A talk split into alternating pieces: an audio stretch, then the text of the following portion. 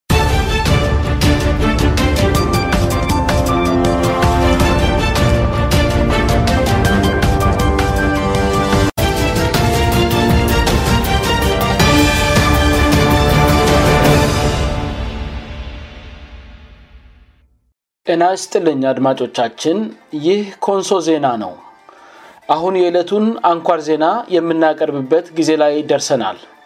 ዜናውን የማቀርብላችሁ የአቬሎ ናታዬ ነኝ አብራችሁን ሁኑ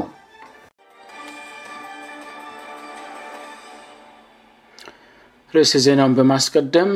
የዕለተ ሐሙስ ሀምለ 01 ቀን 2013 ዓ ም አንኳር ዜናውን አሰማለሁ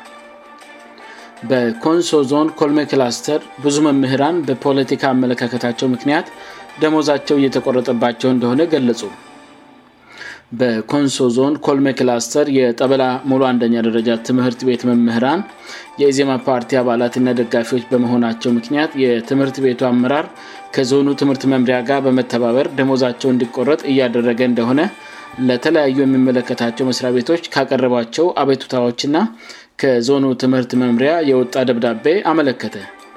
የጠበላ ሙሉ አንደኛ ደረጃ ትምህርት ቤት መምህራን የሆኑት መምህርት አበበች ገበየው መምህር ካንቴላ ካምባታ መምህር ሳሶ ኮሪታ ና መምህር ኮንሴሲያ የተባሉ ለየግል በስማቸው ለዞኑ ትምህርት መምሪያእና ለዞኑ የመምህራን ማህበር በጻፉት የቅታ ደብዳቤ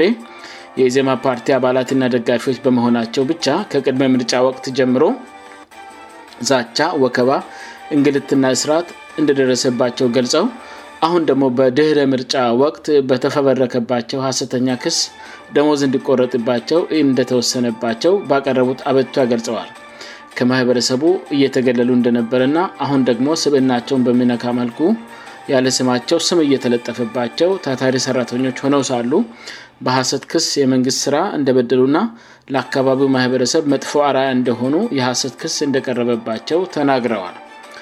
ኮንሶ ዜና የጠብላ ሙሉ አንደኛ ደረጃ ትምህርት ቤት አስተዳደር አባላት የውሳኔ ሀሳባቸውን ያስተላለፉበትን የውሳኔ ደብዳቤንም የተመለከተ ሲሆን መምህራኖቹ ፈጽሞ የተባሉት የስነ ምግባር ጥሰቶች ከመዘርዘራቸው በስተቀር ትክክለኛነታቸው የተረጋገጠባቸው ሰነዶች ወይም የምስክር ቃሎች በውሳኔ ደብዳቤው አልተካተቱም ወይም አልተያያዙም መምህራኖቹ ላይ የቀረቡ የስነምግባር ጥሰት ክሶችንም ለማጣራት የትምህርት ቤቱ አስተዳደር ምን ሂደት እንደተከተለ የተገለጸ ነገር የለም ከመምህራኖቹ መካከል አንዳንዶቹ ከዚህ ቀደም የቀረበባቸው ውንጀላ እንደገና እንድታይላቸው ለሚመለከታቸው አካላት አቤቱታ ያቀረቡ ቢሆንም አቤቱታቸውን ከመፍታት ይልቅ ለፖሊስ ተላልፈው እንደተሰጡ ከቅሪታ ደብዳቤዎቹ ለማወቅ ተችሏል ሰኔ 11 ቀን 2013 ዓም ከዞኑ ትምህርት መምሪያ ለፋይናንስ መምሪያ በተጻፌ ና መምህር ካንቴላ ካምባታን በሚጠቅስ ደብዳቤ ደሞዙን የመቁረጥ እርምጃ እንዲወሰድ ያሳስባል ለዚህም እንደ ምክንያት በደብዳቤው ላይ የተገለጸው መምህሩ በትምህርት ቤቱ ና በማህበረሰቡ መካከል በፈጽሙት ድርጊት በደረጃው ያለ የዲሲፕሊን ኮሚቴ ጉዳዩን በጥልቀት ከመረምረ በኋላ መምህሩ የፈጸማቸው ድርጊቶች በከባድ የዲስፕሊን ውስጥ የተካተቱ ነጥቦች መሆናቸውን አረጋግጧል በዚህም መሰረት መምህሩ በሁለት ወር ደሞዝ እንዲቀጣ ወስኗል የሚል ሀሳብ ይገኝበታል የኮንሶ ዞን የመምህራን ማህበር በበኩሉ የመምህራኖቹን አቤቱታ ተመልክቶ የደሞዝ መቆረጥ ውሳኔ ባስተላለፈባቸው አካል በኩል የተወሰነባቸው ውሳኔ ና ወደ ውሳኔው ለመድረስ የተወሰዱ እርምጫዎች በ2008 ዓ ም ተሻሽሎ የወጣውን የመምህራን የርእሳን መምህራን ና የሱፐርቫይዘሮች የዲሲፕሊን አፈጻጨም ደንብን የተከተለ እንዳልሆነ ማረጋገጡን ገልጿዋል በተጨማሪም በቅድመ ምርጫ ወቅት በእነዚሁ መምህራን ከፖለቲካ አመለካከታቸው ጋር በተያያዘ ወከባና እንግልት እንደሚደርስባቸው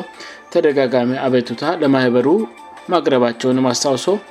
ከላይ የቀረበው ውሳኔ በህግ የተቀመጠለትን ሂደት ያልጠበቀና መምህራኖቹን ሆነ ብሎ ለመጉዳት የታሰበ በመሆኑ ይቆረጥባቸው የተባለው ደመወዝ ቀርቶ ጉዳያቸው እንደገና እንድታይላቸው የመምህራን ማህበሩ ጠይቋል አድማጮቻችን በቅድሚ ምርጫ ወቅት ከላይ በስም ከተጠቀሱት መምህራን መካከል አንዳንዶቹ ላይ እስር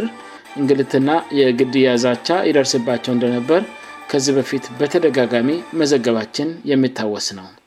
ይህ ኮንሶ ዜና ነው አድማጮቻችን የዕለቱ አንኳር ዜናችን ይህን ይመስል ነበር ስላዳመጣችሁን እናመሰግናለን ደህና ቆዩን